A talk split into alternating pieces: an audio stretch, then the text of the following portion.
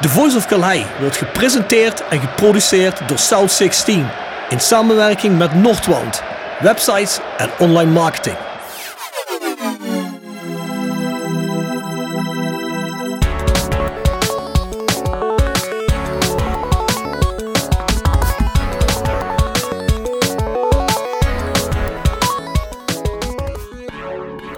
Nou mannen, daar zijn we weer met The Voice Kort. Voor de mensen die het nog niet gehoord hebben, de Voice Kort is een, uh, ja, een kortere versie van de reguliere Voice of Calais die wij op dit moment in plaats van de Voice of Calais online zetten tijdens de zomerstop. En daarvoor hebben we, zoals ook vorige keer, Bart Urlings en Jasper Klute waarmee we een beetje over Roda en het DK praten. Hoe is het, boys? Ja, lekker. We, zijn nog, uh, we zijn nog niet weggesmolten, laat me het zo zeggen. Dat is het enige positieve. nee, nee, gaat prima hoor. Ja, dat is echt fucking warm, hè. Dat is niet normaal, man. Ja, boh. Maar laten we niet klagen. We hebben eigenlijk alleen maar altijd regen de rest van het jaar. Ja, nee, ja, precies. Flink water drinken en je komt de dag wel door. Heel even voor we beginnen, over water drinken gepraat. Ik heb gisteren een sample, een paar flessen afgehaald bij de brouwerij in de nacht, waarmee wij samen de Sweet 16 Peachy Blond brouwen. En ik moet je wel zeggen, als die ijskoud is, dan is het een fucking heerlijk zomerbiertje. Hele lichte vleugje persiksmaak eraan, maar ook maar echt een vleugje. En voor de rest heerlijk fris blond bier. Met een lekker bitter na, lekker bite. Hij is ook altijd te bestellen, dus bestel hem online. Bij onze online South 16 daar kun je hem gemakkelijk online bestellen. Is trouwens ook met Ideal. Voor de mensen die misschien gewend nog zijn van een jaar geleden dat het alleen PayPal is. Nou, dat is het niet meer. Rob, en wanneer komt die voor de normale stervelingen beschikbaar? Ik bedoel, wanneer we kunnen afhalen. Zoals al gezegd, die komt begin midden juli komt die. Dit was een proefje. Gaat nou in grotere getalen afgevuld worden. En dan, of grotere getalen. Hè. De hele hoeveelheid wordt nu afgevuld. En dan ga ik hem komende weken afhalen. En dan is hij ook meteen af te halen, uiteraard. Nou, mooi. Dus Goed Bart, uh, ja, ja, Even geduld nog. Even geduld nog. Wij zijn natuurlijk ook te vinden op Spotify, iTunes, Soundcloud, waar je ons normaal kunt vinden met de Voice of Calais ook. Dat hebben denk ik de mensen die geabonneerd zijn ook wel al gezien. Dat verschijnt gewoon weer in je podcast-app of waar je dat ook maar streamt, zie je die verschijnen als je geabonneerd bent. Dus ook de Voice Kort. Verder, we hebben nog een snackopstelling staan, samen met Section Frietenboet. Daarvoor hebben we de gewone Voice of Calais het hele jaar de lievelingssnacks opgevraagd van onze gasten. Nou, probeer ze te raden. Heb je ze niet alle twaalf goed? Want dat is een opstelling van elf spelers en een trainer. Dan probeer gewoon zoveel mogelijk goed te raden. Nogmaals, leuke prijzen. Ik zal zeker proberen als ik jullie was. Mensen, als wij dadelijk medio juli weer beginnen met de reguliere Voice opnames dan blijven wij dit gewoon doen, maar wij verdwijnen dan ook met een aantal nabesprekingen. Dat zit er ook bij. Verdwijnen wij achter de paywall bij petje.af. Dat is een Voice of Calais pagina. Nou, daar kun je ons in steunen en dan de podcast quasi op abonneren. Dat is niet de gewone podcast, die blijft gewoon openlijk. Maar zou je dat mogen willen, dan kun je daarheen ons ondersteunen. Dus we proberen een beetje extra geld te genereren, zodat we een hele hoop projecten waar we mee bezig zijn en die we nog in de planning hebben, ook gewoon gemakkelijk kunnen financieren. Nou, de Voice of Calais at South16 is ons mailadres. Stuur daar vragen of opmerkingen heen. En voor de rest, ja, ga ik naar Jasper. Jasper, heb jij die afgelopen drie, vier dagen nieuw Roda nieuws of valt dat gewoon mee? We hebben zeker een aantal kleine nieuwtjes die we gaan behandelen. Rode JC gaat afscheid nemen van Erik Valkenburg en Ali Messaoud. Beide heren drukten te zwaar op de begroting om uh, langere verbindenis aan te gaan. Valkenburg kwam in 29 Roda duels tot 9 goals. En Messaoud kwam tot één doelpunt in 16 optredens, waarvan de meeste als invaller. Verder zien we dat Luke Hamers een uh, amateurcontract heeft getekend en hem tot de zomer van 2022 aan Roda heeft gebonden. Dat zijn de enige twee nieuwtjes die echt vers van de pers zijn. Wat vinden we daarvan, mannen? Ja, Ali Messaoud vind ik niet zo heel erg. Die heeft eigenlijk niet zijn verwachting kunnen inlossen. We hebben niet veel van gezien. Kwam nog moeilijk op gang. Kwam al binnen met een coronabesmetting. Dus hij heeft er de eerste wedstrijd al meteen naast gezeten. Kon je waarschijnlijk ook niet voluit trainen. Dus ja, ik, ik vermoed dat in de jongen veel potentieel zat. Maar je moet natuurlijk nu als worden gaan afwegen. Hè. Wil ik dat risico nemen voor de prijs dat die jongen wil hebben? Ja, ben ik het mee eens. We hebben het natuurlijk tijdens de podcast aan het eind van het seizoen besproken.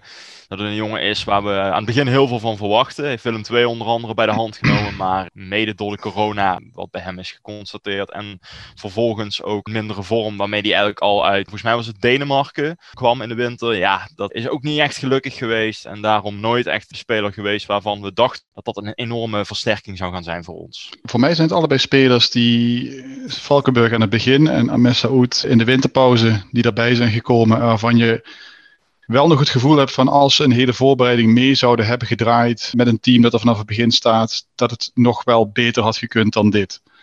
Maar ja, weet je, aan de andere kant ook weer allebei zulke ervaren mannen. Dat je ook op een gegeven moment denkt, ja, kom op. Uh, op een gegeven moment mag het wel komen. En het is bekend, ik vond Valkenburg een hele aardige gast. Hij heeft ook meer gescoord dan ik me kan herinneren eigenlijk. Maar nooit echt zijn stempel kunnen drukken. Als een speler die bij acht clubs toch iedere keer wat tussen de acht en de tien doelpunten gemaakt heeft in de eredivisie. Had ik in de eerste divisie iets meer verwacht. Het is geen karttrekker geworden. Ik denk dat dat het grootste euvel is wat, nee, maar, uh, wat bij hem is. Het is vervangbaar, vond ik, allebei. Vond ik, Valkenburg vond ik sowieso nooit een karttrekker. Ook bij die andere verenigingen niet. Het was altijd iemand die... Het was ook nooit de topscorer bij al die verenigingen. Er was altijd wel iemand die meer erin schoot. Dus wat dat betreft... Maar dat heeft hij ook bij Roda gedaan. Volgens mij tweede plek topscorerslist naar Patrick Fluke. Voor de rest goed gedaan. Ik vond hem persoonlijk net als Bart topgast. Niks baan te merken. Hele aardige gast. Bart van de podcast geweest. Super. Ook echt sympathieke jongen. Maar ja, Erik wordt ook wat ouder. Dus of je hem dan in een volgend seizoen ook al voor minder geld, of je dan moet zeggen, nou we gaan nog een seizoen met hem door. Of, op zijn positie, die Mart ook gespeeld heeft bij Top Os, proberen we Mart Reemans uit. Dan gaat eigenlijk wel mijn voorkeur naar uit. Ik hoop ook dat ze hem die kans gaan geven. Want je hoort ook een beetje zo uh, vanuit de club wat geluiden dat ze, ja, hij komt wel terug. Maar echt erin geloven, weet ik niet of ze dat al doen. Dus ik hoop voor Mart dat hij een hele goede voorbereiding gaat draaien. Dat hij dat gewoon zelf gaat afdwingen. Ja, dat zou het mooiste zijn. Ik denk dat je er gelijk in hebt, Bart. Die geluiden heb ik ook gehoord. Toch nog niet zo helemaal overtuigd zijn. Maar dan denk ik, nou ja, Mart heeft ook gespeeld met Top Os tegen die teams waar wij tegen gespeeld hebben. En dan ook nog in een slechter team in principe. Dus eigenlijk zou je moeten zeggen, zijn deze goals meer waard als die van Erik Valkenburg. Als je het zo bekijkt. Dus ja, helemaal mee eens. Ik zal Mart Reemans zeker een kans geven. Kijk, waar Mart natuurlijk, om eventjes af te ronden, heel erg in vooruit gegaan is, is dat hij natuurlijk op zichzelf heeft gewoon een stuk volwassener is geworden. Dat kan ook wel gaan meespelen in het veld. Misschien dat hij dan toch een andere rol gaat krijgen. Dat, dat is natuurlijk waar je op kan hopen. Ja, wat meer vertrouwen in eigen kunnen. Hè. Hij weet niet op dit niveau dat hij gewoon, als hij volgens mij een heel jaar zou spelen, moet hij rond de 20 goals uit kunnen komen. Nou, ja. dat zou voor Roda prima zijn. Zeker. Ik wil het toch nog heel eventjes oppakken in het kader van Roda Nieuws. Ja, laat ik het de zaak Trost noemen. Ik heb van de week eens heel even bekeken van wat er nou eigenlijk gebeurde bij Roda. Ja, ik heb me in ieder geval opgewonden erover dat, dat de gemeenschap niks hoort voor Roda. Dan zal je natuurlijk zeggen, ja, Roda vinden dat ze dit goed gedaan hebben, want anders brengen ze het persbericht in eerste instantie niet zo uit. Dus Roda ziet zich niet verplicht iets te zeggen. Alleen, ik vind het wel vreemd, omdat dan zijn wij uiteraard geen leidende media, daar gaat het helemaal niet om. Ik zal mezelf helemaal niet willen tellen bij de pers of zo. Maar er is door Jimmy Leners, zoals gezegd, een artikel geschreven. Wij hebben het aan de kaak gesteld. Het is wel degelijk zo dat dingen niet zo gegaan zijn als ze horen te gaan in die zaak. En het is zeker niet zo dat persbericht klopt. Dus als mannen, en dat heeft Bart ook goed omschreven de vorige keer, als mannen zoals René Trossi eigenlijk de tribune vertegenwoordigen, als dat soort mannen op straat worden gezet, en niet alleen dat die tribune vertegenwoordigt, maar ook dat het iemand is waarin we allemaal een uitzonderlijk vertrouwen hadden als het op het reilen en zeilen bij Rode aankwam, bewaken daarvan, ja, dan vraag ik me af waarom daar eigenlijk niet een beetje meer reuring om ontstaat. Kijk, het wordt de mensen natuurlijk wel ingefluisterd. Ja, dit is goed gegaan. René doet het allemaal best. En natuurlijk zegt René zelf ook: dit is zoals ze het willen doen. Alleen, zoals al de vorige keer gezegd, eh, ik heb de indruk dat René gewoon een heel loyaal persoon is. Of die indruk heb ik niet alleen, dat weet ik. En René zal dat nooit op straat gooien. Alleen, het is wel feitelijk waar dat er dingen zijn die niet kloppen. En in het kader van transparantie eis ik eigenlijk van Roda en de mensen die er zitten, eis ik eigenlijk een verklaring waarom dat niet transparant gehouden wordt. Ik denk dat je het precies goed omschrijft. René is een goedzak. Ja, er zijn natuurlijk dingen verkeerd gegaan. Ik denk ook het vorige keer gezegd werd, een, een voorzitter die veel op eigen houtje acteert. Misschien zelfs een beetje tegen het belang van de club in, als we het dan zo mogen omschrijven. Hè? Als het gaat om potentiële investeerders die die dan vervolgens niet voorstelt, of in ieder geval niet in binnen de Raad van Commissarissen bekend worden. En René is loyaal, die stoort zich daaraan. Dit is niet iemand die dan vervolgens de vuile was gaat buiten hangen, maar als het René volgens mij een beetje op een gegeven moment tot hier zit, dan stapt hij op, zoals het nu eigenlijk gebeurt. Ik denk ook niet dat hij eruit gezet is. Ik denk dat René ja, ja, op een gegeven moment gewoon gedacht heeft van, nou, hier wil ik mijn tijd niet meer aan spenderen of hier wil ik niet meer bij horen. Er komt nog zo'n jeugdtrainerschap, dat komt voorbij. Nou, dat grijpt hij aan, want dat vindt René leuk om te doen. Die gaat niet met modder gooien. Dus dan, ja, op het moment dat de buitenwacht hier niet op inspeelt, dan blijft het hier in principe bij. Natuurlijk, in afwachting van een volgend RVC-lid die zich hier ook aan gaat storen. Weet je, en dan gaat de dominee-treintje gaat dan op een gegeven moment omvallen.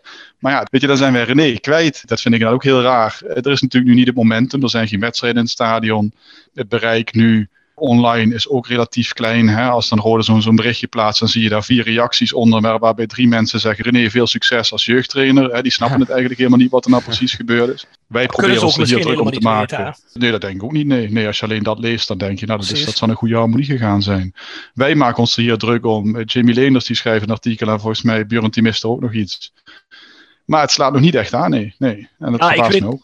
Ik weet in ieder geval wel dat, deze podcast ook door wat mensen intern geluisterd wordt. Ik hoop toch dat hier intern over gesproken wordt. En is het niet zo dat wij hier de leidraad zijn, überhaupt niet. Maar het mag duidelijk zijn dat wij over het algemeen redelijk goed geïnformeerd zijn.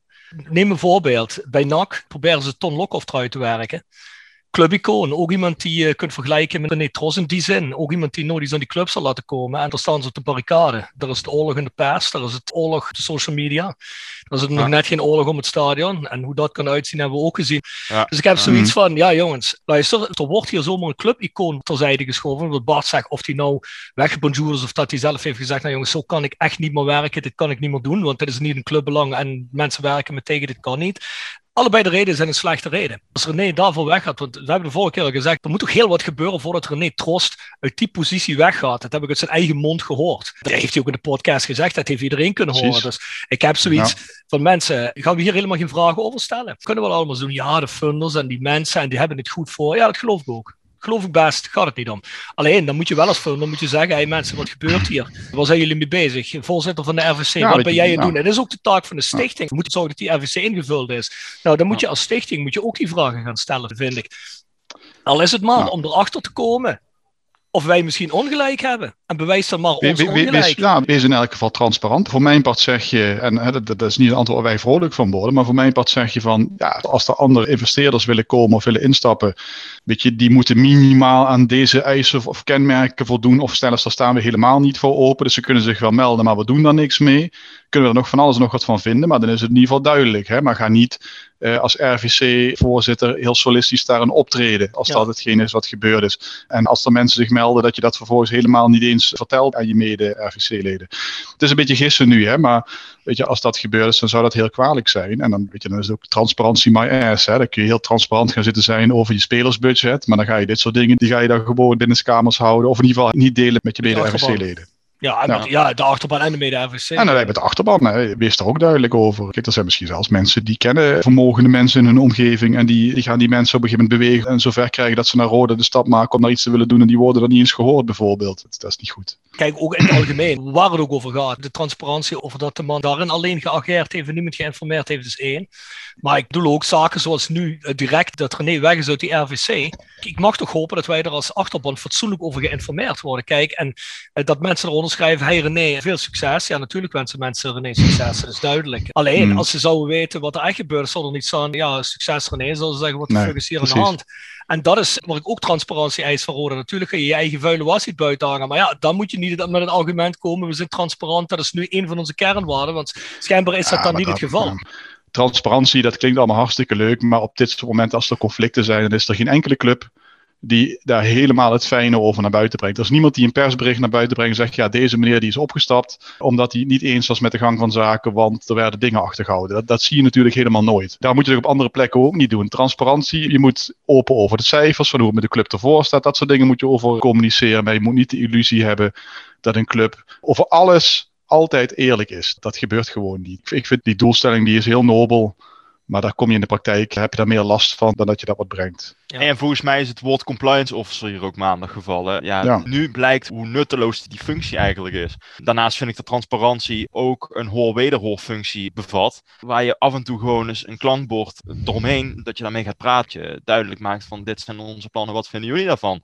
En dat gebeurt ook niet. We hebben al eerder gehad dat, dat Wismans daarin laconiek reageert. Maar ja, nu kan Wismans er nog eens, dus, denk ik, het meeste aan doen. Nu ligt de hakbel bij, bij de voorzitter van de RVC. En, en dat is het grootste, het grootste probleem dat we eigenlijk niet weten hoe we die man in, in godsnaam vanuit zijn ivoren toren kunnen benaderen. Kunnen we ze uitnodigen? Ja, zeker. Ja, dat is al gebeurd. Dat wilde hij niet. Nou, dat zegt denk ik alweer genoeg. dat, dat zal misschien te, transparant, te transparant worden dan. Ja, misschien, wie weet. Ja, nu zal het zeker niet meer gebeuren, vermoed ik. Maar, um... maar, maar bezig die term dan ook niet, als je het toch niet kan waarmaken. Nee, precies. Dat is, dat gaat naar de achterban. Dat is wat Bart Dat is wat ik ook wilde zeggen, ja. Luister, ik hoop gewoon dat we snel van de club een beetje duidelijkheid hierover krijgen. En überhaupt, zoals gezegd, we gaan niet het hele verhaal weer herhalen, maar ik denk dat we op een cruciale splitsing staan nu. En we zullen ons toch moeten realiseren wat we willen met de club. Het kan niet zo zijn dat het een clubje is van mensen gewoon omdat ze het wel fijn vinden waar ze nu mee bezig zijn, eh, andere mensen buiten de deur houden. Of mensen wegjagen. Het functioneren onmogelijk maken. Ja, precies. Ja, goed. Ja, eh, op, die, op, die manier, omdat het niet zo gaat zoals hun het willen. Ik denk dat we allemaal het doel hebben Roda vooruit te helpen. En ik denk niet dat het op die manier vooruit gaat. Nou goed, ik hoop dat we bij de volgende podcast misschien daadwerkelijk eens een keer hier een stukje beweging hebben gehad of iets nieuws kunnen brengen. Maar dat is in ieder geval wat er bij Roda aan de hand is. En om dit helemaal af te sluiten. Kijk, ik weet dat mensen graag willen dat het bij Roda rustig is. Het is natuurlijk ook een redelijk rustig jaar geweest. Dat is ook fijn. Maar we moeten er wel altijd rekening mee houden. Rust kan nooit boven dingen gaan die de club tegenwerken of die niet goed zijn voor de club. In alle stilte kunnen zich ook dingen afspelen die misschien niet uh, gezond zijn voor de club. Met een De La Vega hadden we het heel pontificaal allemaal op straat liggen. Maar het kan ook zijn, en dan wil ik die mensen helemaal niet vergelijken met De La Vega, we helemaal niet. Alleen, mensen moeten wel dan echt transparant blijven, blijven communiceren. Rekening ermee houden dat alles gehoord moet worden. Iedereen die bij die club wil horen, gehoord moet worden. En dat dat fatsoenlijk uitgevoerd wordt. Daarvoor zit je er. Goed. Nou, Bart, had jij nog relevant KKD-nieuws? Ja, ja, ja. Ik, ik, ik hoorde inderdaad. Uh, precies, ik ben de Kees Kwakman van The Voice. maar ja, jij lacht nu, Jasper, maar jij bent dus de Bjorn Mister van The Voice. nou, nou, nou, nou, Kees. Oh jee. ik wou net zeggen, moet ik daarmee vergeleken worden? ja, ja, nou ja. De Graafschap heeft de nieuwe trainer, Renier Robbermond volgens mij nog een eh, iets wat onbeschreven blad. In ieder geval als het gaat om hoofdtrainer uh, in het betaalde voetbal. Dat doet mij een beetje denken. En ik hoop niet dat dat dan werkelijkheid wordt aan Kees van Wonderen. Ook zo iemand die op relatief late leeftijd een eerste klus in het betaald voetbal krijgt. Ja, zullen moeten afwachten hoe dat gaat uitpakken. Ik vond hem als voetbal altijd een tikkeltje kleurloos. Dus ik, ik weet niet of dat nou dan als trainer... Uh, Heeft het als trainer wel leuk gedaan bij Willem II een tijdje, volgens mij. Ja, maar, niet als hoofdtrainer, toch? Nee, volgens mij nam hij het over van Erwin van der Looy destijds. En toen ging het volgens mij ah, vrij redelijk. Dus oké, uh, oké, ja, dat, dat heb ik gehoord van hem, ja. Oké. Ja. ja, en net werd al aangestipt oorlog binnen NAC. Die is vooralsnog door de Haagse clan gewonnen. Hè, Tom Bokhoff vertrekt, dus Maurice Stijn overleeft vooralsnog. Maar ja, daar is ook weer een hele hoop om te doen. Dus laten we dat vooral vanaf de zijlijn blijven volgen. We hopen dat het daar heel lang onrustig blijft. Volendam blijft zich maar versterken. Nu de aanvoerder van Almere, Mirani, terug naar zijn roots, eh, las ik, komt uit Monnikendam, dat ligt er in de buurt. Volendam die is daar redelijk op het inzetten om allerlei jongens terug naar het oude nest te halen. Een uitstekende versterking. Spelersfonds, hè? Bij Volendam, ja, ik, ik, weet dat niet. Die hebben daar een spelersfonds. Volgens mij Jan Smit is er ook onderdeel van. Het zangertje Jan Smit, niet de ex-voorzitter van de Graafschap. Tenminste, was ook de ex-voorzitter van de Graafschap. Van Heracles. Ja, ja. Precies. Die hebben volgens ja, ze mij... Hebben dat Fotown, hè, geloof ik. Uh, dat Fotown, dat zijn een, een, aantal van die, van die zangers, uh, van die havenzangers daar. Die, ja, dat uh, volgens mij daar wat doen. Ja, volgens mij halen ze daarmee die lui binnen. Dat is het kapitaal wat volgens mij de extra kracht bijzet dan. Nou, en, ik, en ik vond ze dit jaar het al redelijk leuk doen. Hoor. Ik heb Wim Jonk wel redelijk hoog zitten als trainer. Nou, als er nog wat kwaliteit bij komt, dan moeten we maar zien of we daarmee kunnen concurreren. Ja, en tot slot een pikant nieuwtje. Louis van Gaal naar Telstar. Voor één wedstrijd weliswaar. Maar die gaat één wedstrijd bij Telstar voor het goede doel coachen ik ben eigenlijk benieuwd of dat dan een wedstrijd echt in de competitie is of in de voorbereiding. Ik heb geen idee. Zoals het bracht, leek het in de competitie. Ja, het was een competitiewedstrijd dus, inderdaad. Ja, ja, ja. ja. dus nou moeten we even afwachten. Wellicht tegen ons, uh, wie weet. Ja, en je kan nu bieden om assistent te worden van Louis van Gaal bij die wedstrijd. Ja, dat is ook ja, wel precies. leuk daar, daar, daar, moet dan een beetje het geld vandaan komen inderdaad, volgens mij. En uh, natuurlijk als we hopen op een uitverkocht huis, dan uh, ja, op zich leuk dat hij dat doet. Ja, vooruit je Asper gaat bieden. Ja, misschien ja. kan hij nog wel wat met mijn voetbalmanager kennis. ik weet maar nooit. Ik vind dat leuk gedaan. Telsel laat zich altijd zo dingen invallen. Kijk, uh, Telsel wordt nu de laatste drie jaar van gemaakt alsof dit de meest kleurvolle club en de meest uh, leuke club van de eerste divisie is. Moet natuurlijk een beetje realistisch over zijn. Uh, die cultstatus die het nou krijgt, nou ja, goed, daar kan ik ook nog een paar andere clubs voor aanvoeren. Maar wat ze wel heel leuk doen, is dat ze niet altijd zichzelf even serieus nemen. Dat ze gewoon eens een keer zeggen van, nou, kijk, dit is een leuke idee, dit gaan we doen. Je ziet ook dat dat een leuke de pers ligt. En dat je daar gewoon een, een, goed image mee kunt creëren. Want dat is eigenlijk wel waardoor Telstar nu het, image cultclub krijgt aangehangen. Door dit soort dingen allemaal. Dat is niet zozeer door het voetbal. En omdat ze daar de Eimond liggen te voetballen naast een aantal van die staalfabrieken. Dan ligt het niet aan, want dat doen ze al 30 jaar. Of langer. Ja, van de andere kant is het natuurlijk ook bizar. Want als je daar als trainer zit en dan zegt dan iemand van... Uh, ja, deze wedstrijd even niet. Dat uh, komt Louis van Gaal doen. Dan zou je toch denken van... de fuck ben ik hiermee bezig? Maar, maar goed, dat weet je van tevoren. Maar ik denk in dat soort dingen mag Roda zich wel een puntje aanzuigen. Dan mag marketing uh, bij Roda wel eens een keertje in kijken. Dat zijn van die dingetjes. Dan kun je ten eerste je public relations, maar ook hoe de mensen je bekijken. En gewoon je hele imago en gewoon ook geld. Hè, want Telstra haalt er ook geld mee op. Kun je daar een beetje een step-up mee maken. Ik heb het gevoel dat Roda zich altijd te serieus neemt. Ja, natuurlijk. Roda ziet zichzelf nog altijd als, als de grote club die eigenlijk sowieso veel te groot is voor de keukenkampioen-divisie. Dus, dus waarom zou je tot dit soort dingen tussen aanstekens verlagen dan? Hè? Terwijl, ja, weet je, het kan helemaal geen kwaad. Maar ja, weet je, zou een streppel plaats maken, denk je, voor een wedstrijd? Nee, die zal ook zeggen, hey, jongens, waar zijn we mee bezig? Het is allemaal serieus. We moeten drie punten pakken, natuurlijk. Nee, maar dat is ook het probleem niet. Want wij zouden ook zeggen, als dan daar iemand komt zitten, we zitten in een goede reeks en we verliezen die wedstrijd dan Kijk, ik ben het er in zover wel mee eens. Wij zijn ook eigenlijk een club die de groot is voor de eerste divisie. Alleen de realiteit is dat we er nu zitten. Maar daarvan afgezien, zelfs voor de eredivisie, zouden we promoveren volgend jaar of het jaar daarna, dan mag je ook best wel eens dingen doen die een beetje buiten de box zijn. Je hoeft niet de hele tijd alleen maar die serieuze vereniging te zijn. Tot een aantal jaar terug moesten we altijd de vereniging van Limburg zijn. Wij zijn de Limburgse club, de club waar Limburg van houdt. Nou ja, luister jongens, ten eerste zijn het de Oostelijke Mijnstreek. Daar zijn we vandaan. Dat is onze voedingsbodem. En altijd maar dat Limburgs volkslied draaien, ja, dat is leuk. Weet je wel, dat begrijp ik ook wel. We zijn de Limburgse vereniging, dat klopt. Maar identificeer je nou deels met de streek waar je in komt. Kijk, dat is een beetje dat super serieuze van wij maakten ons als de club van Limburg. Dus, hè, heel Limburg moet dan wel achter ons komen staan. Of die mensen hebben dan allemaal iets met ons. Ik vind dat een beetje bizar. Maar... Um, maar goed, het is, uh, het is wat het is. Maar niet met zo'n trainer op de bank heb Bart. Eh, maar andere dingen kun je laten nee. inbellen. De jongens hebben een hele hoop andere dingen laten doen. Ik bedoel dat Roda dat nog niet kunnen doen. Dat ze zeggen, we gaan virtuele tickets verkopen. Allemaal voor 2 euro. Dat hebben ze inderdaad volgens mij vorig jaar ook gedaan. Ja. Of wat Heerenveen ja. had gedaan met die, al die beertjes of zo bijvoorbeeld op de tribune. Leuk, ja. dus weet je, dat is heel simpel. En inderdaad goed voor die mago. En dan haal je misschien 20.000 euro. Maar dan geef je misschien 5 of 10.000 geef je een goed doel. Dan heb je nog altijd de helft. Precies. Zo'n marketingstratege als Pieter de Waard, dat is natuurlijk het grote brein achter deze acties bij Telstar. Ja, luister, hey, uh, ik zou er blind voor tekenen als die man bij Roda zou kunnen werken hoor, oprecht. Mag ja? je even onderbreken? Ja, dat bedoel ik niet lullig hoor, maar daar heb je ja. Pieter van der Waard echt niet voor nodig om dit soort dingen te bedenken. Nee, nee ja goed, maar uh, maar eens iemand die dat soort ludieke acties touw kan zetten hoor. Ik kan daar niet tien van opnoemen op dit moment. Ja, dat is omdat mensen niet outside the box willen denken. Het is heel simpel. Het gaat nog eens om niet-ludieke acties. Ik heb het er niet in de voice over gehad, of misschien hadden we het er privé over gehad. Dat weet ik niet. Dat is niet om Bjorn en wij op de bos te kloppen, maar zo'n Dick Nanninga wordt. Dat Roda dat nog niet zelf kunnen verzinnen.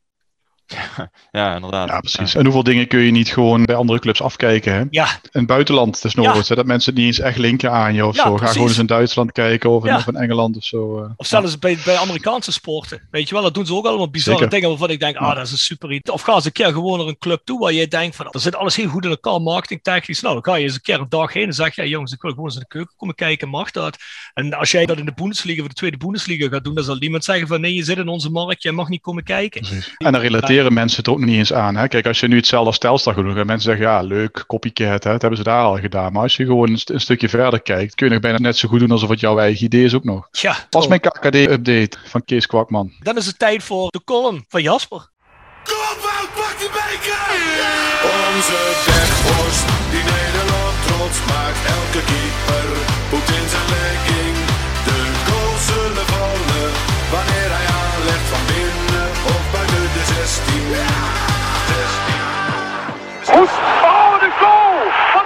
Op het spoor van Wilbert Sufrein. Eens in de zoveel jaren heb je een moment binnen het voetbal dat geldt als een markeringspunt voor de verandering van het spel. In de jaren 70 was er de totaalvoetbal van Nederland onder aanvoer van Cruijff en van Hanegem, terwijl in 1986 de wereld op zijn kop stond toen Maradona scoorde met de zogeheten hand van God. In 2010 zorgde de afgekeurde goal van Frank Lampard tegen Duitsland ervoor dat de discussie van een videoscheidsrechter definitief in een stroomversnelling geraakte. De Video Assistant Referee zou uiteindelijk in 2018 officieel zijn intrede doen in het voetbal. Ere wie ere toekomt, want wie de positiviteitspet dit EK op heeft, kan haast niet anders dan concluderen dat de combinatie scheidsrechter en VAR een steeds beter lopend huwelijk lijkt te worden. Beslissingen worden snel onder de loep genomen en er volgt een rap besluit, waardoor de wedstrijd ook weer hervat kan worden. De zuivere speeltijd dit EK is daarnaast met 3 minuten toegenomen. De scheidsrechter aan zich is een verademing tijdens het Europees kampioenschap. Als een treinlocomotief die feilloos de 22 wagons van zijn trein meetrekt en op tijd op het juiste spoor aanlevert. Nederlands scheidsrechter Bjorn Kuipers stal daarnaast de harten van Europa door het spel rondom de tiende minuut stil te leggen. Toen de Belgen en de Denen gezamenlijk Christian Eriksen een hart onder de riem staken. Kuipers toonde maar weer eens dat de scheidsrechter ook echt een mens is en geen object waar alleen maar tegenaan gescholden en getrapt hoeft te worden. Dan wil ik nog een land spreken voor de stille kracht. Depay, Ronaldo, Mbappé, Griezmann. Geen van allen een stille kracht. Het zijn de spelers die iedereen kan opnoemen tijdens dit EK. Het zijn de vedetten van hun land. Toch worden EK's of WK's vaak door andere mensen beslist. Inderdaad, de stille kracht. De spelers waardoor een land vaak echt goed kan renderen, zijn de spelers die niemand als eerste opnoemt in de voorbeschouwing op een toernooi. Gisteravond, bij het zien van Nederland-Oostenrijk, bekroop mij even een gevoel van medelijden met Stefan de Vrij. Het schoolvoorbeeld van een stille kracht. Een speler van wie niemand direct op zijn naam komt bij het opnoemen van een selectie. Ik schakelde tussen de Nederlandse en Belgische tv om eens te kijken hoe de wedstrijd bij onze zuiderburen in de smaak viel. Binnen 10 minuten roemde de Belgische commentator de rol van de centrale verdediger van Internationale. Hij noemde de grote kwaliteit van Stefan de Vrij. Dat hij vaak al fouten analyseerde en goed maakte, nog voordat deze zichtbaar werden. Alsof je een werkstuk gemaakt hebt samen met een klasgenoot, waar jij al het onderzoeks- en analysewerk hebt gedaan, maar je klasgenoot zal worden geroemd omdat hij net op de juiste dag aanwezig is en de desbetreffende leraar die het nakijkt in een goed humeur is. Hij krijgt een 9 en jij moet het doen met een 7 voor de moeite. Gisteren, tijdens Nederland-Oostenrijk, werd voor mijn part maar weer eens duidelijk waarom voetbal kijken eigenlijk zo leuk kan zijn. De vedette Memphis Depay, van wie eerder op de dag nog gemeld werd dat hij rond was met Barcelona, blonk uit in ongelukkige acties en gemiste kansen, terwijl die Dekselse Denzel Dumfries maar weer eens 20 kilometer in 90 minuten aflegde en gewoon, tussen aanhalingstekens, zijn tweede doelpunt van het toernooi maakt. Ja, Dumfries, de rechtsback die op zijn achttiende nog bij de amateurs van BVV Barendrecht speelde. Het is een van de redenen waarom ik voetbal kijk. Zelf word ik namelijk nogal snel moe van een tactisch verhaal over een hoge balcirculatie, een sterke restverdediging en een fantastisch staaltje gegenpress. De charme van het voetbal kijken zit voor mij in het verhaal achter een sporter, een atleet. Denzel Dumfries liet op 18-jarige leeftijd als speler van Barendrecht zijn pulsje in de kroeg staan en dronk heel keurig een spa blauw in plaats daarvan. Er geloofde op dat moment nog maar één iemand in een profcarrière van Denzel Dumfries en dat was hij zelf. Nu, zeven jaar later, praat heel Europa over de stormende wingback die zelfs te goed is geworden voor de top van Nederland. Bedragen van 40 miljoen worden zonder schaterlach in één adem genoemd met zijn naam. Ja, natuurlijk is het heerlijk om tijdens een eindtoernooi te letten op de zogenaamde vedetten. Ronaldo voor de 70.000ste keer su horen roepen of Neuer voor de veertigste keer als een soort roekeloze kamikaze-piloot uit zijn goal zien te vliegen om vervolgens een middenvelder te kijk te zetten met een schijnbeweging. Toch zul je altijd zien dat na een EK of WK de discussie eerder zal gaan over de onverwachte heldenrol van een dito onopvallende speler dan voor de zoveelste goal van een vedette. Het maakt dat het voetbal het spelletje blijft waar we jarenlang, dag in dag uit, week in week uit over zullen blijven praten. En het maakt het voetbal ook zo verrassend, want wie had verwacht dat de wingback een van de meest belangrijke spelers van Euro 2020 zou kunnen worden? De drie momenten van de laatste dagen op het EK die jullie opvielen. Geef het woord om te beginnen aan Bart. Dan moet ik zeggen, ik heb er drie natuurlijk opgeschreven, want eh, dat moest. maar ik, maar, ik, zie op die app van The Voice, zie ik aan één stuk door appjes van jullie de hele dag voorbij komen. Bij de drie uur wedstrijd, bij de zes uur wedstrijd. Ja, ik kijk dit allemaal met een schuin oog als ik al kijk. Want om drie uur zit ik te werken en om zes uur zit ik te eten. Dus het blijven mij meestal bij die 9 uur wedstrijd. En ik moet ook zeggen, Slowakije tegen, wat is het, uh, Zweden, ik word daar niet zo heel warm van. Dus bij mij zijn het uh, drie momenten waarvan er maar eentje echt met het EK te maken heeft. En dat was Duitsland, dat heb ik namelijk wel gezien. Daar maak ik me toch een beetje zorgen over op. Pas op wat je zegt. Ja, daarom. Ja, ik, ik, ik, ik, ik, uh, ik weeg mijn woorden op een schaaltje, maar ik vond ze heel erg matig eigenlijk. En natuurlijk speelden ze tegen een relatief sterk Frankrijk natuurlijk. Thans Frankrijk is dan mijn, mijn favoriet. Dus dan zou ik, zou ik ook verwachten dat ze daarvan wonnen. Maar ik vond ze, ja, er zat geen stootkracht in, had ik het idee. Ik kan me één schotje herinneren eigenlijk dat rakelings overging van, ik geloof, Knabri. Ja. En dat was het eigenlijk. Dus nou ja, weet je, die hebben nu al direct een, zoals het heet, endspiel dan tegen Portugal. Want ik denk als ze daar ook van verliezen, nou, dan moet ik nog zien of ze ook beste nummer drie worden. Ja, dat was, dat was mijn moment eigenlijk, die manschaft, teleurstellend. Ja, daar wil ik heel even op inspringen, want dan coveren we natuurlijk met, met dit punt meteen de twee kampioensteams van hè, voor de Scorito.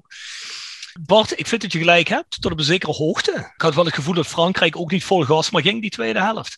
Ook extra pijnlijk eigenlijk, inderdaad. Duitsland na de eindpas kwam er niemand was die het afmaakte. Er kwamen wel een paar goede combinaties en het ging wel dreigend tot aan de 16. Maar dat is het probleem wat wij met Roda ook vaak hebben gehad, hè, dat, dat er wel goed gecombineerd wordt en op een gegeven moment dat er niemand is die het af kan maken. En ik denk dat het Duitsland echt ontbreekt aan een spits. Had ik bijvoorbeeld ook zo'n Gnabry in laten staan. Dat is een jongen die scoort vrij regelmatig bij Bayern.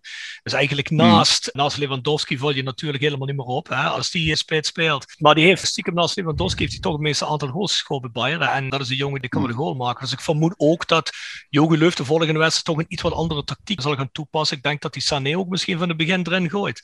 Om het meer te creëren. Ja, en Müller viel natuurlijk heel erg tegen. Hè. Die heeft een ontzettende drive gehad bij Bayern dit seizoen. Die was ook echt goed. Die verdiende ook echt om teruggehaald te worden. Die heeft veel gescoord. Enorm veel assists gegeven. Ja, die was eigenlijk onzichtbaar. Dat zie je natuurlijk sowieso vaak in die landen toernooien. Kijk, die spelers van Bayern, ik vond ook die jongen bij Oostenrijk, maar goed, ik kom er zo op. Die vond ik, uh, Alaba, die vond ik heel slecht beginnen. Kijk, dat Bayern, dat zit natuurlijk geweldig in elkaar, maar dat draait allemaal bijna om Lewandowski. En die mm. doet natuurlijk dan bij Duitsland en bij Oostenrijk niet mee. Ik vind sowieso, Duitsland heeft natuurlijk heel lang aan Miroslav Klose vastgehouden. Heel veel toernooien achter elkaar. En ook in die periode daarna, eigenlijk, ja, twee jaar geleden was, of drie jaar geleden was, was het op het WK niet. Ik wilde eigenlijk zeggen niet veel, maar eigenlijk helemaal niks. Nu zie je weer dat ze dat probleem hebben. Dus eigenlijk wel best wel bijzonder dat zo'n land als Duitsland, dan gaan we ook naar bij de topclubs. Er speelt eigenlijk geen Duitse spits, hè? Nee. Dus uh, geen het, het, zijn, het zijn veel buitenlanders. Ja. Nee, maar ze zijn ook in de 16. Ze, zijn ook uh, in de voorbereiding op de DK door Spanje echt genadeloos met ja. de neus op de feiten gedrukt toen het 6-0 werd. En nogmaals, wat jij ook zegt over die spits. Ze hebben natuurlijk zelfs in mindere tijden nog met Mario Gomez toch nog de nodige goals kunnen maken in de tijd dat het allemaal niet zo lekker liep voor de rest van het team. Die hebben ze mm. nu ook niet. En een Gnabry is een beetje hetzelfde wat Reemans bij ons is. Die kun je niet alleen in de spits gaan zetten. Dat is geen... Bliks, dat zijn allemaal bliksemafleiders Precies, eigenlijk. dat zijn bliksemafleiders. En die kunnen een bal wel aardig erin krullen van een meter of twintig. Maar ga je die echt sec in die 16 meter gooien, nou, dan gaan die niet de voorzetjes erin koppen. En dat is bij Duitsland het grote manco. En dat, dat zag je meteen in de eerste wedstrijd. Kijk, ik noem Gnabry, je hebt niks anders. Hè? Dus uh, je, zult, je, zult wel, je, zult wel, iemand moeten gebruiken. Daar, daar, ligt het ook niet aan. Daar ligt het ook niet aan. Nee. Dus het ligt eraan wat er eigenlijk niet is. Desalniettemin nou. denk ik dat ze zich als derde gaan kwalificeren. En dat we nog niet laatst gehoord hebben van Duitsland. Ja. Puur op, op het feit gebaseerd dat Duitsland Duitsland is.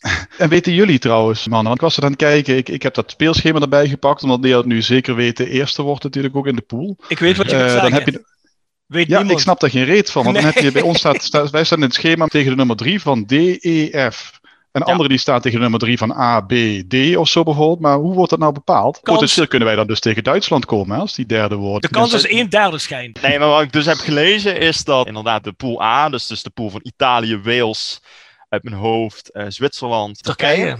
Ja, dat als daar de nummer 3 niet doorgaat, dus niet als beste nummer 3 wordt aangemerkt, dat pool F bij ons wegvalt. Dus dat we dan tegen de winnaar, de beste nummer 3 van pool D of E komen. Ja, goed. maar jij, jij vindt dit een gemakkelijke uitleg. Nee, maar dat is misschien iets plausibeler dat al bekend is dat je dan F sowieso ontloopt. Dus dat is ja, ja. denk ik het belangrijkste nieuws voor heel veel mensen. Maar als die nummer 3 van A dan wel in aanmerking komt om te spelen, spelen we dan tegen de nummer 3 van A? Nee, als de nummer 3 van A zeg maar wel doorgaat, dan is de kans groot dat je tegen de nummer 3 van F gaat komen. Als die ook bij de beste nummers 3 hoort, hè. De kans maar is, ja, ja. De kans is groot, maar je weet het niet. Dan vind ik die Nations League beter te begrijpen eigenlijk. Ja, Moet je even zo'n Arjan Lubach filmpje maken. Dus. ja, ja. Eén ding is zeker, we gaan wel naar Budapest, dus er kan een vol stadion komen. Dus dat is wel mooi voor de supporters. Ja, precies. Ja, dus, uh, ja goed, goed, goed. Nou, dan laten we naar punt 1 gaan van jou, eh, Jasper. Oké, nou, ik, ik was wederom verrast over de. Of ja, verrast is het eigenlijk al niet meer. Want de Italianen zijn ijzersterk dit toernooi. En uh, ik heb de wedstrijd gezien tegen Zwitserland. Ja, man, Locatelli scoort dan twee keer. Maar ook als je een Immobile ziet. Ja, de linksback Spinazzola. Er zit zoveel talent in die ploeg. Mancini heeft er echt een, een voetbalmachine van gemaakt. Die is uh, ingesprongen toen uh, Italië het WK van 2018 miste. Dat was een grote ramp voor het Italiaanse voetbal. Heeft er daarna duidelijk gekeken: oké, we gaan niet meer dat behoudende systeem spelen als wat Italianen, tenminste wat we gewend zijn van de Italianen. Nee, we gaan echt puur op het voetbal ons focussen. Heeft daar een aantal spelers bij het systeem erbij gehaald die echt daadwerkelijk het vermogen hebben om het spel te kunnen maken. Hij is een soort gegenpressing voetbal gaan spelen, waarin ze ook nog eens goed kunnen uh, ja, counteren en, en sowieso heel vaak de bal hebben. De bal moet binnen een paar seconden terug zijn. Nou, dat vind ik echt een lust voor het oog om naar te kijken. En die wedstrijden zijn al vanaf het begin heerlijk, omdat je natuurlijk het Fratelli d'Italia hebt. Maar als je, als je de rest van die wedstrijd ziet, ja, dat is echt de grote favoriet voor de eindzege, vind ik. Samen met Frankrijk. En uh, jullie weten dat ik België redelijk goed vind. Die zijn gisteren bij mij eventjes tijdelijk afgevallen, moet ik eerlijk zeggen. Daar heb ik het zo meteen nog over. Even hierop inhaken, ik kan hier snel zijn. Ik heb er geen hele lange verklaring voor. Voor mij was een van de hoogtepunten weer het Italiaans volkslied. En zeker als dat in een gedeeltelijk vol Stadio Olimpico wordt gezongen. Mijn tweede hoogtepunt Waar ik van genoten heb, is ten eerste Hongarije-Portugal. Niet omdat die wedstrijd zo ontzettend goed was, maar omdat er een vol stadion zat. Je had ook echt de vibe van een vol stadion. Ja, dat heb ik eigenlijk al heel lang, ik wil niet zeggen gevoeld, want je zit er zelf niet. Maar je krijgt ook een beetje die feeling als je dat dan hoort. Het publiek ging goed mee, hè, was heel erg enthousiast. Helpt natuurlijk dat Hongarije daar zelf speelt. Nou ja, je hebt wel stadions gezien die gedeeltelijk vol zaten. En dan wordt er wel gezegd, ja, hier zitten 16.000 man in de arena. Of hier zitten 20.000 man op Wembley en de snelste of het vol zit.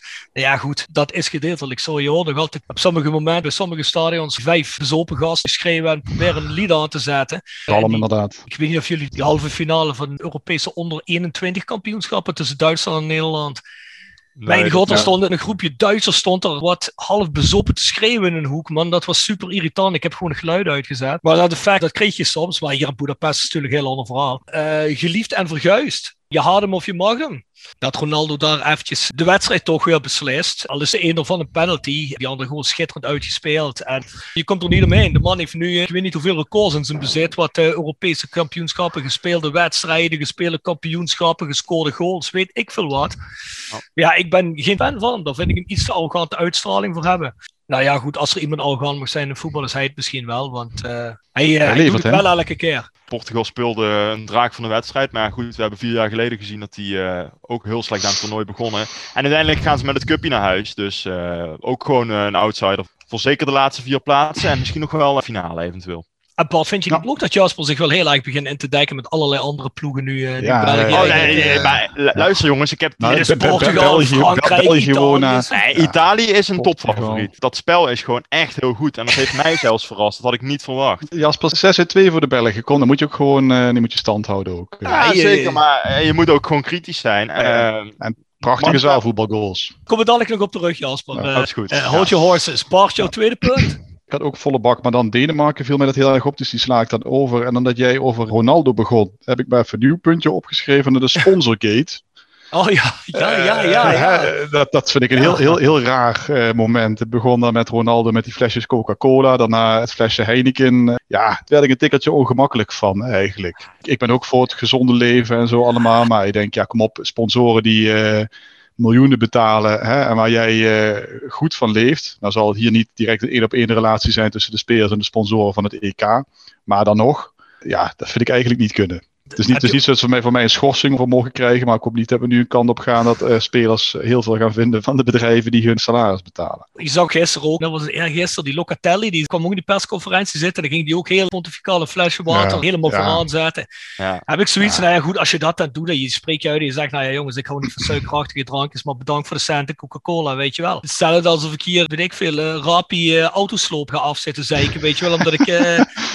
dat, dat zal wel goed zijn, of stokgrondverzet. Nee, maar dat is dan al voor onzin, weet je wel. Ik, ja. De pers pakt dat weer helemaal op. En dan hoor ik zowel op Duitse tv als op Nederlands tv. Ja, eens kijken wie de volgende gaat zijn. Je moeten we hier echt een volgende in hebben. Ik zou me kapot nee. gaan als een Memphis Depay dan nu gaat zitten. En een beetje de interessante gast gaat uithangen. Die dingen ook gaat doen. Dan denk ik van jongens, nu is het gewoon. Maar dan is het volgens mij al die andere gasten naar Ronaldo ook gewoon om te doen. Uh, wij willen nou ook dat stukje pers hiervan. Want ik heb dit ook gedaan. De, deugen heet dat dan. Maar hoe chic is het dan als die Russische bondscoach daar een tegenlicht op laat schijnen? Ah, ja, maar Jasper. Ja, maar kom op, dat is toch... Kijk, jij denkt dat die man het volgens mij echt doet zo van... Ik ga eens eventjes tegengas geven, maar die gas gaat goed zitten en trekt een bier open, volgens mij. Hoor. Nee, dat is volgens mij echt ja? niet bedoeld zo, denk ik. Denken jullie dat echt? Nou, ik, ik, ik heb dat gemist. Ik denk wel dat hij het gezien heeft. Dat wel. Ja, hij zal het gezien hebben, maar ga je daar nou echt zitten van onder het motto van ik trek hier een bier open, zo van fuck die andere gasten? Geloof het niet. Hij deed het wel heel demonstratief. Dat wel. Ja, goed, zet je mij dan neer, heb ik ze allebei al opengetrokken hoor. Ja. Dus, uh... en op. Ja, dat heeft niks te maken met Coca-Cola of met Ronaldo. Maar, Rob, zou jij het Russische voetbalelftal beter laten spelen? Ik denk het wel, hè? Nou, dat weet ik niet. 1-0 gewonnen, resultaat. Hè? Dus, ah ja, maar wat voor een wedstrijd was dat weer, zeg. Goed, hè, daar had ja, Nederland, Nederland hier... van Malwijk voor getekend, ja. voor één winst. Ja. Maar zitten jullie nou echt heel bewust en geconcentreerd allemaal echt van die Nee. kutpartijtjes te kijken? nee, nee, of nee. is het jullie ook een beetje op de achtergrond? Dat, Nee, dat soort wedstrijden kijk je niet te bewust. Nee, Oké, dat oké. echt, eh, Ja, gelukkig. Ik, ik, Ik begon kan- al zorgen te maken. Nee, nee, nee, nee. nee. Ik kan volmondig zeggen dat ik de laatste drie dagen geen enkele 3 o'clock wedstrijd heb gezien. Ik heb wel betere dingen te doen overdag dan al die kutpartijen te kijken. Kijk, vandaag eh, Ja, werk ik veel van Ja, thuis maar weer, jullie, dus jullie, het jullie kan, het appen er wel de best... hele middag over, hè? Nee, nee, dat kan helemaal niet. Ik ga maar die app teruglezen. nee, nee, nee. dat was alleen Jasper dan. Nee, het is Nou, Jasper. Jasper die zit in Tilburg op de Ja, universiteit die van de studeert, hè, die. Dus die, studeert. eh, Ja, ja. die zitten met z'n allen in zo'n gemeenschapsruimte naar voetbal te kijken. Dat hebben de studenten het zwaar. Ja, nee, jongens. nee, eh, ik bedoel, eh, je moet toch af en toe wat te doen hebben. Nee, nee, nee. Maar ik was bezig met de studie. En dan kijk je in je pauze wel eens een kwartiertje van zo'n wedstrijd. Maar dat, eh, een kwartiertje is al te lang eigenlijk. Dus dat, nee. Ah, Jasper, je mag meteen over iets zinnigs hebben. Wat was jouw tweede punt? Nou ja, goed. Ik heb Wales hier afgelopen podcast best lopen afbranden. Want toen had ik zoiets van, ja, daar val je bij in slaap. Ik moet zeggen dat ze de tweede wedstrijd tegen Turkije, wat ook gelijk de grootste teleurstelling van het toernooi is overigens. Want daar hadden heel veel analytici best veel van verwacht. Maar Wales had ze echt volledig in de tang, zo niet. Had daar met 5-0 moeten winnen eigenlijk. Bale, daar zullen we het maar niet over hebben, over die penalty. Die bal zijn ze volgens mij nog aan het zoeken. Maar als je vooral spelers zoals eh, Aaron Ramsey ziet. En eh, ja, ik kan er niet eens tien opnoemen bij Wales. Maar die hebben echt een leuk geheel. En die hebben toch wat problemen gehad. Ryan Giggs slaat vrouwen, dus mocht niet mee naar het EK. Ja, dus dat vind ik dan wel weer mooi dat dat als een soort van ploeg waar niemand iets van verwacht, gewoon nu zeker is van de volgende ronde. En dat die dan gewoon ook nog leuk voetballen en Turkije gewoon met 5-0 moeten oprollen. Dus eh, ja, het eh, opvallende sterke Wales had ik als tweede punt. Was natuurlijk ook een, een van de verrassingen het vorige EK, hè, Wales. Ja, het zou leuk zijn als ze het nog een keer kunnen bereiken. Ik denk eerlijk gezegd niet dat dat gaat gebeuren. Was dat vorig jaar eh, halve finale of zo, hè? halve finale, ja, Ja. tegen Portugal toen. Klopt. Dus dat. Bart, punt 3. Ja, punt drie. Dat is een beetje buiten het EK. Buiten het EK wel aangelinkt. Ehm, mensen die mij kennen, die weten dat ik een groot fan ben van Marcel van Roosmalen. Oh, Ehm, en die heeft, eh, die heeft een eh, column in de Oranje Zomer. En heeft hij al iedere dinsdag heeft hij een column op Radio 1. Die luister ik al met veel plezier. Ik heb verschillende van zijn boeken heb ik hier gelezen. Dan zit je hard op te lachen als je dat leest. Maar hij is nu echt in topvorm. Hij opent al op de eerste dag van het EK met een geweldige column waarin hij eh, alles en iedereen, inclusief Chris Woerts, helemaal afzeek. Eh, ja, en dus voor wie daar nog niet naar kijkt of moeite heeft met de mannen van VI, probeer toch op YouTube terug te kijken. De columns van Marcel van Roosmalen. Die zijn eh, heel erg vermakelijk. Ik geloof dat Walter Kroes eh, frikandel met oogjes of zoiets Ja, noemde. Nou, dan weet je ongeveer eh, het niveau. nee, die is inderdaad ruig, ja. Heel leuk. En Jasper, Ja, nou goed, eh, moet ik weer saai over voetbal gaan beginnen natuurlijk. Ja, ik heb wel iets van voetbal opgeschreven dat ik de Fransen nog niet de grootste vorm vind. Sorry Bart. Maar ja, voor de rest is dat niet het bijster opvallend eh, punt. Want die hebben natuurlijk tegen de Duitsers gespeeld. De Fransen gaan we ook nog wel vast wel iets beter zien. Ik vond het tegenvallen. Eh, Mbappé vond ik wel vrij redelijk. Als hij weggestuurd wordt, is hij voor iedereen te snel. Maar ja, dat is Schoppel bij ons ook. Nee, ja, de echte topvorm van de Fransen merkte ik nog niet zo. Dus dat vond ik ook wel opvallend. Ik had toch wel verwacht dat daar iets meer in zou zitten. Maar ja, Deschamps heeft het daar al jarenlang vrij saai verdedigend neergezet. Dus eh, misschien dat dat ook de verklaring is daarvoor. let op jongens. Dit is de enige media outlet, laten we het zo noemen, waar je ooit zal horen dat Tijmen Goppel vergeleken wordt met Mbappé. ik zeg alleen dat, eh, dat Goppel die snelheid eh, in iets mindere mate weliswaar, maar ook gewoon eh, heeft in deze divisie van ons. Nee, oké, goed, dat klopt. Ik had als laatste punt, Wout Weghorst, dat je eigenlijk gisteren heel duidelijk begint te merken, is me eigenlijk in die eerste wedstrijd ook al opgevallen. En zo kunnen we misschien ook de brug maken meteen naar Nederland-Oostenrijk. Als er een opening wordt gezocht vanuit het middenveld en een Frenkie de Jong heeft de bal, of een Gini Wijnaldum heeft de bal en moet een paas geven, of moet een opening maken, of moet een linie overslaan, of moet een steekpaas geven, gaat hij nooit naar Wout Weghorst. Ik weet niet of jullie dat al opgevallen is. Ik denk dat misschien een heel laag percentage van de Wout Weghorst is gegaan. Dan heb je ook nog de pech dat Wout dan de bal meestal niet zo heel erg goed controleert. Die net voor de voet schiet. En ik heb het gevoel dat, en dit is maar een gevoel, maar jullie moeten dadelijk maar zeggen hoe jullie dat zien. Maar ik heb het gevoel dat binnen het Nederlands elftal, zeker de jongens die echt technisch begaafd zijn, dan heb ik over de Memphissen, dan heb ik over de Gini Wijnaldums, dan heb ik over de Frenkie de Jongs, dus eigenlijk topspelers, dat die zoiets hebben van, ja, hmm, ja, wat die jongen eigenlijk hier in de spits bij ons doet, daar zijn we ons toch niet zo zeker over. Want ik denk dat bij hun in hun eigen interne pickorde, en dat zeg ik puur op gevoel van wat ik voor vibe krijg als ik naar het Nederlands elftal kijk, dat bij hun Luc de Jong toch een beetje hoger in de pickorde nog staat. En dat ze misschien denken dat, hoe heet hij nou, hè, van PSV die er gisteren in kwam. Donny Malen. Donny Almalen misschien naast. Ja, omdat hij natuurlijk ook op die positie eigenlijk, ik denk, de technisch meest flexibele spits is. Die je misschien voor dit soort wedstrijden gisteren iets eerder had kunnen en moeten gebruiken misschien. Ik vermoed dat die jongens zoiets hebben van, ik zeg niet dat ze hem eruit willen spelen. Of dat ze hem, maar ik heb niet het gevoel alsof ze hem graag inspelen. Want er zijn een paar momenten geweest, kon je ook Wout zelf merken, dat hij om de bal vroeg. Dat hij ook daadwerkelijk, dat ik dacht van, nee, als je hem daarheen steekt, en als je hem snel genoeg inspeelt, staat Weghorst gewoon vrij voor de goal. Maar dat wordt dan niet gedaan. Dat wordt toch ingehouden en gewisseld van vleugel meestal. Ja, en dat viel mij toch wel heel erg op. Hij past natuurlijk niet zo in het tactische spelletje van Nederland. Hè. Dat is uh, op dit moment toch anders dan we verwacht hadden. Is toch aanvallender dan je verwacht had. Daar heeft hij de handelingssnelheid gewoon niet voor. Hij kan niet vier man in een kleine ruimte uitspelen. En zo'n Malen die is en met zijn snelheid en met zijn techniek op dat gebied gewoon verder. Weghorst is echt de echte spits. Malen is de gast die in de diepte kan steken met een bal. En, maar we hebben Malen natuurlijk ook maar kort gezien gisteren. Dat blijkt dan toch een, een verschil dat net die techniek dus toch de doorslag geeft. Dat jammer is voor Wout. Maar ja, aan de andere kant de logische wissel dat Malen erin kwam.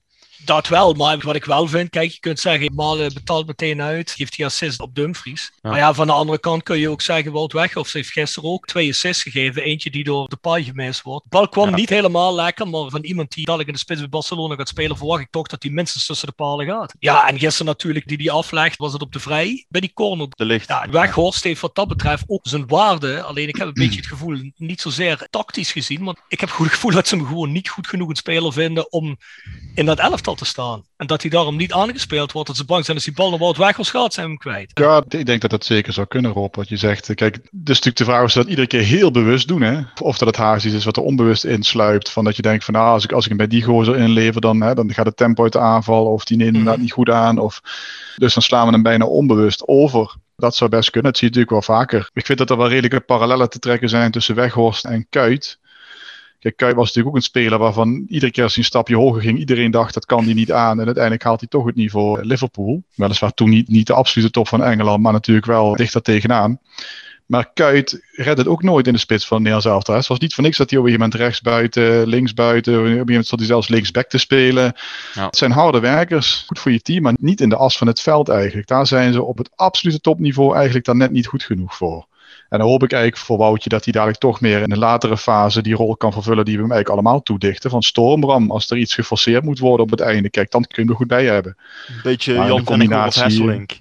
Dat je zo iemand ja. mee eens. Dan is het mij om het even of dat Luc de Jong of Wout Weghorst is. Want ik denk dat ze Luc de Jong, die kan ook niet die dingen die je zou verwachten in de combinatie en als aanspeelpunt fungeren en heel snel door. Daar is Luc de Jong niet goed genoeg voor. Nou ja, Luc de Jong deed gisteren ook niks toen hij erin kwam. Heeft hij natuurlijk maar korte nee. tijd gehad, maar die deed ook niks waarvan ik denk van ja, dit kan hij beter als Wout Weghorst. Dan vind ik wel dat een Wout Weghorst door zijn drang en zijn trots dat hij daar mag spelen. En je ziet ook hoe teleurgesteld hij is als hij uitgewisseld wordt. Denk ik toch dat hij toch misschien net nog dat ene stukje energie meer erin legt dan Luc de Jong. Maar ik moet eerlijk zeggen, dat is niet gebaseerd op feiten, dat is puur gebaseerd op mijn gevoel. Hadden jullie nou ook dat gevoel gisteren, na die uitbraak Malen, gewoon Dumfries, dat je dacht van oké, nou, uh, Wout Weghorst is zijn basisplaats kwijt?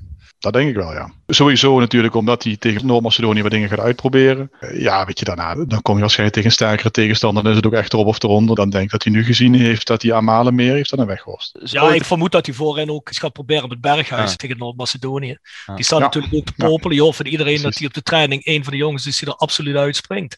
Dus ik denk dat hij die nu een kans gaat geven. Nou, en als die dan heel goed speelt, Tja, dan moet je je afvragen. Het ligt natuurlijk aan hoe je gaat spelen tegen een team. Maar dat daal je natuurlijk een beetje in de pigorde. Wout Weghorst had beter die bal die hij aan de paai aflegt, dat hij beter misschien meteen op de schoen kunnen nemen. En alle risico van ja. als hij daar de kruising knalt, dan wordt Wout Weghorst niet uitgewisseld. Ja. Verder, ik vond dat ze gisteren de wedstrijd, in tegenstelling tot de wedstrijd tegen de Oekraïne, het was minder spectaculair, maar het was wel veel meer gecontroleerd. Ja, ja het, was professioneel. Je, je, ja, ja, je ziet wel, maar juist doordat het degelijk was, dat je beste spelers eigenlijk achterin staan.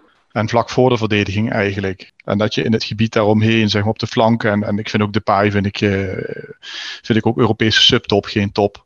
Nee. En dat zie je ook. Weet je, die heeft goede momenten, maar de topas die stopt eigenlijk bij Wijnaldum en Frenkie de Jong. En alles wat daaromheen staat daarvoor daar, en daarnaast, dat is, ja, dat is in het beste geval Europese subtop. Maar achterin dus staat ook bijna niks weggegeven, want daar staan De Licht, De Vrij en... Blind. Ja, dat even, uh, blind. Daily Blind. Ja. Daar hoef je geen enkele zorgen om te maken. Dat maakt ook dat, denk ik, zelfs toplanden tegen Nederland moeite gaan hebben om denk ik ook. van te winnen. Nee, maar de Denk verdediging is natuurlijk altijd de Achilleshiel geweest. Ook van het Nederlands elftal. En daar werd zelfs voorafgaand aan het toernooi aan getwijfeld of dat goed zou zijn.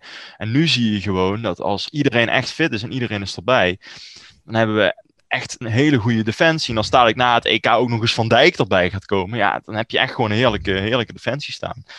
En, ja, die eh, defensie hoeven we ons ja, daar dat- geen zorgen over te maken. Dan moet je gaan kiezen. Hè? Gaat gewoon een van die top op de banken zitten. Of je moet met drie blijven spelen en Blind. eh Daily Blind verschuiven Blind naar, de, linksback. naar de zijkant. Hè. Ja, Ja, maar ook die van Aanholt doet het goed. Dus dat heeft op dit moment ook geen reden tot wisselen. Dus Ik denk, als hij moet kiezen op een gegeven moment tussen Blind en Van Aanholt, dat hij wel kiest voor Blind, denk ik. Omdat dat toch, ja, Ja, dat, dat denk is ik ook, voetbal, voetbaltechnisch Ja, veel 100%. meer in.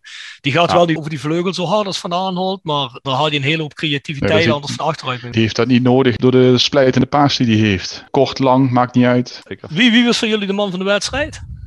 Ehm, ik ga voor Frenkie de Jong. Ja, sluit me wel bij aan, ja. vond die gast manoeuvreerde zich weer uit onmogelijke situaties met drie man om zich heen. Dan gaat hij dan toch weer tussen. Heeft een goede inspeelpaas. Is snel. Heeft zelfs een aantal fysieke intercepties gedaan waarvan ik dacht, zo, nou dat heb je bij Barcelona ook wel goed geleerd. Dat had hij bij Ajax namelijk nog niet. Nou, ik vond Frenkie echt weer galoos spelen gisteren. Dat was echt een 9,5. Ja, Frenkie de Jong heel goed. En daarbij eervolle vermelding van Stefan de Vrij vind ik ook supergoed. Ja. ja, Bal en ik hebben het al over onze kampioensteams gehad. Ja, heel even over jou, over België. Ja, in de app heb je een beetje shit moeten eten voor België gisteren. Dat Ja. vonden we allemaal Ja. niet zo overtuigend. We Ja. hebben het net gehad over de verdediging bij Nederland. Ja, bij België is dat wel een groot probleem. En dat is echt een Achilleshiel. Want wat die, die denier daar in het midden was aan het doen, nou, Ja. dat vond ik niet van niveau Ja. waar België pretendeerde op te ageren. Nee, ik moet zeggen, ik, gisteren merkte ik pas hoe belangrijk Vincent Compagnie voor die Belgische ploeg is geweest. Die heeft al jaren op die positie gestaan en je ziet nu met de Naaier en een Alderweireld en een Vertongen op hun retour dat België echt grote problemen gaat krijgen met ploegen die aanvallend heel erg sterk zijn, waarop ze dus vaak in de verdedigende stellingen zullen moeten. Verder zie ik een team dat veel te veel leunt op de kwaliteiten van Hazard, Bruyne en Lukaku. En je ziet vooral eigenlijk De Bruyne. Als die erin komt, dan gaan, eh, gaan de combinaties wel lekker op dat middenveld. Dan loopt het wel. Maar als je dat optelt bij het, het matige defensieve werk. Ze zijn af en toe wel nog door Courtois erin gehouden. Anders hadden die Denen echt 2-2 gemaakt. Maar voor de rest, ja, het, het hield niet over. Denemarken had minstens een punt verdiend gisteren. En eh, dat had ook waarschijnlijk heel Europa ze wel gegund. Maar eh, de Belgen zullen echt iets moeten gaan verzinnen op de defensie. Of ze dat met een versterkt middenveld gaan doen, weet ik niet. Misschien dat Witzel, als die er weer vast in komt, dat dat ook wel beter gaat lopen.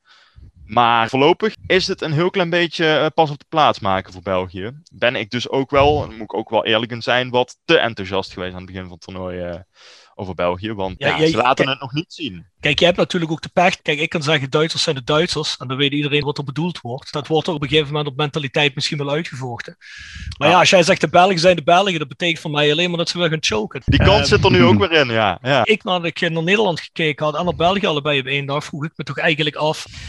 Als België met Hazard speelt, met Lukaku en met De Bruyne. En die moeten spelen tegen De Vrij, Blind en De Licht. Hun topspelers zijn allemaal aanvallend uitgericht. Hè? Die spelen tegen een sterke Nederlandse verdediging. En Ja. wij zouden dan met een niet in vorm zijnde Depay, misschien een Malen of wie dan ook voorin moeten spelen tegen De Naaier. En weet die gast die nog in het centrum staat bij België, die bij Dortmund speelt, ben ik even zijn naam kwijt, maakt niet uit. Ehm daar zie ik ons nog wel een kans maken hoor. Want ik was helemaal niet zo onder de indruk ervan. Dus ik dacht van, nou ja goed, als je die drie kunt tegenhouden bij België, als je die onder controle kunt houden, dan hebben we eh, met zo'n zwakke verdediging die, die België heeft, heb je heus wel een kans. Zeker, het gat is veel minder groot dan dat voorafgaand aan het EK werd gezegd. Dat de Belgen heel veel verder waren dan de Nederlanders. Dat is helemaal niet zo op dit moment. Maar aan de andere kant, België, mits iedereen fit, heeft nog steeds een hele goede ploeg. Waarin je zeker als Nederland nog steeds je problemen tegen gaat hebben. Ja, zeker. Maar ik, ik vind ook België verder natuurlijk als Nederland. Ja. Het lijkt nu alleen in die laatste twee wedstrijden dat wij eigenlijk een stuk beter zijn dan we gedacht hadden, denk ik. Ja, ik denk inderdaad dat dat een juiste conclusie is. Dat Nederland gewoon beter is dan we hadden verwacht. En het systeem van Frank de Boer moet ook gezegd worden. Gewoon een, een redelijk systeem is, realistisch. En waarmee je ook gewoon goede kansen kan creëren. Het is niet het behoudende 5-3-2 of 3-5-2 wat we hadden verwacht voorafgaand aan het toernooi. Ja, tenslotte, de Scorito. Er zijn zich nog Ja. altijd mensen aan het melden, zie ik. Dus we zitten inmiddels al op 70. We zaten gisteren nog op 68. Nou ja, goed, dat stap je later in. Of je dat dan nog kunt inhalen is een tweede. Maar eh, dat maakt voor mij verder niet uit. Ik ben geland op positie 64 van de 70 heb ik gezien. Dat betekent dat er alleen maar nog mensen onder me staan die eigenlijk de pool niet helemaal hebben ingevuld. Dus dat betekent er zitten mensen bij die überhaupt al vijf wedstrijden geen uitslag meer ingevuld. Ik ben echt wel op het allerlaagste gezakt. Er staat zelfs iemand boven me die al de laatste zes wedstrijden niks meer heeft ingevuld. Ik heb gezien dat Jasper staat een plek of acht boven me. Ja, Bart, jij had eigenlijk de eer hoog eh, van ons allemaal. Je staat op plaats Ah, dat- dat- 39. Negen- Oké, ik wou zeggen, want de laatste keer dat ik keek stond ik 40ste. Ik denk, ik ben van de ronde getallen. De vorige keer eh, toen we opnamen 20ste, nu 40ste, maar daar ben ik nog een plekje gestegen. Nou, mooi. Gefeliciteerd ermee. Dus wij zitten er hier een uur over te lullen en we hebben er eigenlijk helemaal geen verstand van blijven. Nee, schitterend hè? Ja, je moet eigenlijk die mensen die op die eerste plekken zitten, moet je eigenlijk uitnodigen. Tussen mij en de nummer 1 zit er al volgens mij een verschil van 600, 700 punten. Dus ik ben benieuwd of ik dit ooit nog ga inhalen. Naar alle waarschijnlijkheid niet, maar goed. Ja, dat was hem eigenlijk voor vandaag. Doen wij nog even de sponsoren? Dat is goed. Jegers Advocaten, Nextdoor Kapsalon, Nagel en Beauty Salon. Hotelrestaurant de Veilerhof, Herberg de Bernardeshoeve. Noordwand, www.gsrmusic.com. Stokgrondverzet, Rapi Autodemontage. Van Ooyen Glashandel, Quick Consulting. Wiers Personeelsdiensten, Vendo Merchandising. Sky Art Picks, Nederlands Mijmuseum. Marimi Solar Heerlen, Roda Support. Wheeler Autogroep, PC Data. Metaalgieterij van Geelst, En Roda Arctic Front. Roda Fans uit. Scandinavië. Hey, ons mailadres is thevoiceofkalei.south16.com. Onze website is www.south16.com. Mensen, we horen jullie na de volgende wedstrijd van Nederland elftal. Tot dan.